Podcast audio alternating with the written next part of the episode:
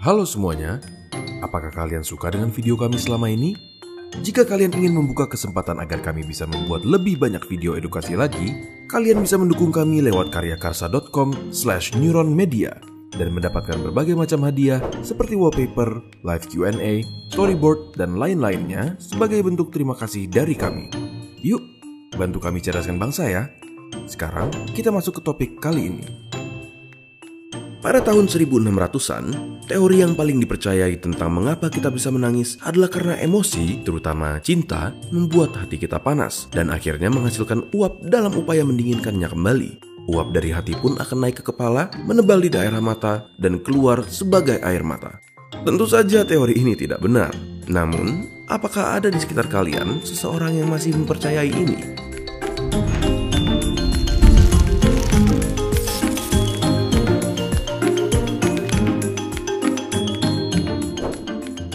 Jenis air mata yang kita produksi ada tiga, yaitu air mata basal, refleks, dan psikis.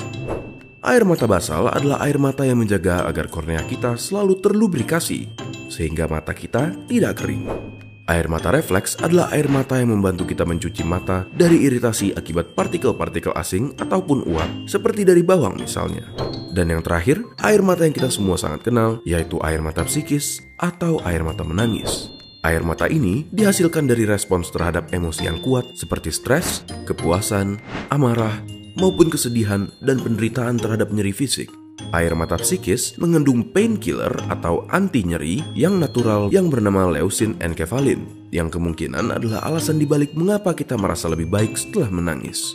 Dengan stimulus emosional, seperti saat kita putus dengan pacar, air mata akan mulai diproduksi. Sesuatu yang bernama lacrimal system yang berada di sekitar bola mata kita adalah sistem sekretorik yang menghasilkan air mata sekaligus sistem ekskretorik yang mengurasnya. Di saat air mata diproduksi oleh kelenjar lakrimal yang berada di antara bola mata dan kelopak mata kita, kita akan mengedipkan mata secara otomatis, membuat air mata yang diproduksi menyebar ke seluruh permukaan mata kita seperti lapisan kaca.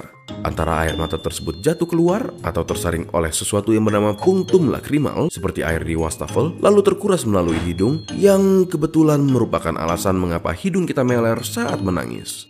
Bahkan, sebenarnya menangis mempengaruhi banyak sekali bagian dari tubuh kita. Saat menangis, detak jantung kita akan meningkat, kita akan berkeringat, nafas kita akan menjadi pelan, dan kita akan merasa seperti ada gumpalan di tenggorokan kita, yang disebut sebagai globus sensation.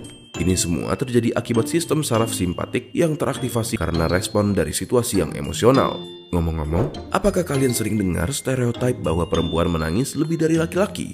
Beberapa penelitian menunjukkan bahwa penyebabnya kemungkinan adalah akibat testosteron yang diduga menghalangi tangisan, sedangkan hormon prolaktin yang lebih banyak di wanita justru mendukungnya. Bagaimana? Menarik bukan? Bagikan video ini ke teman-teman kalian yang sering menangis dan jangan lupa subscribe untuk mendukung keberlangsungan channel ini. Jika ada pertanyaan yang kalian ingin kami bahas, kalian bisa tulis di kolom komentar untuk kami lihat. Terima kasih dan sampai ketemu di video berikutnya.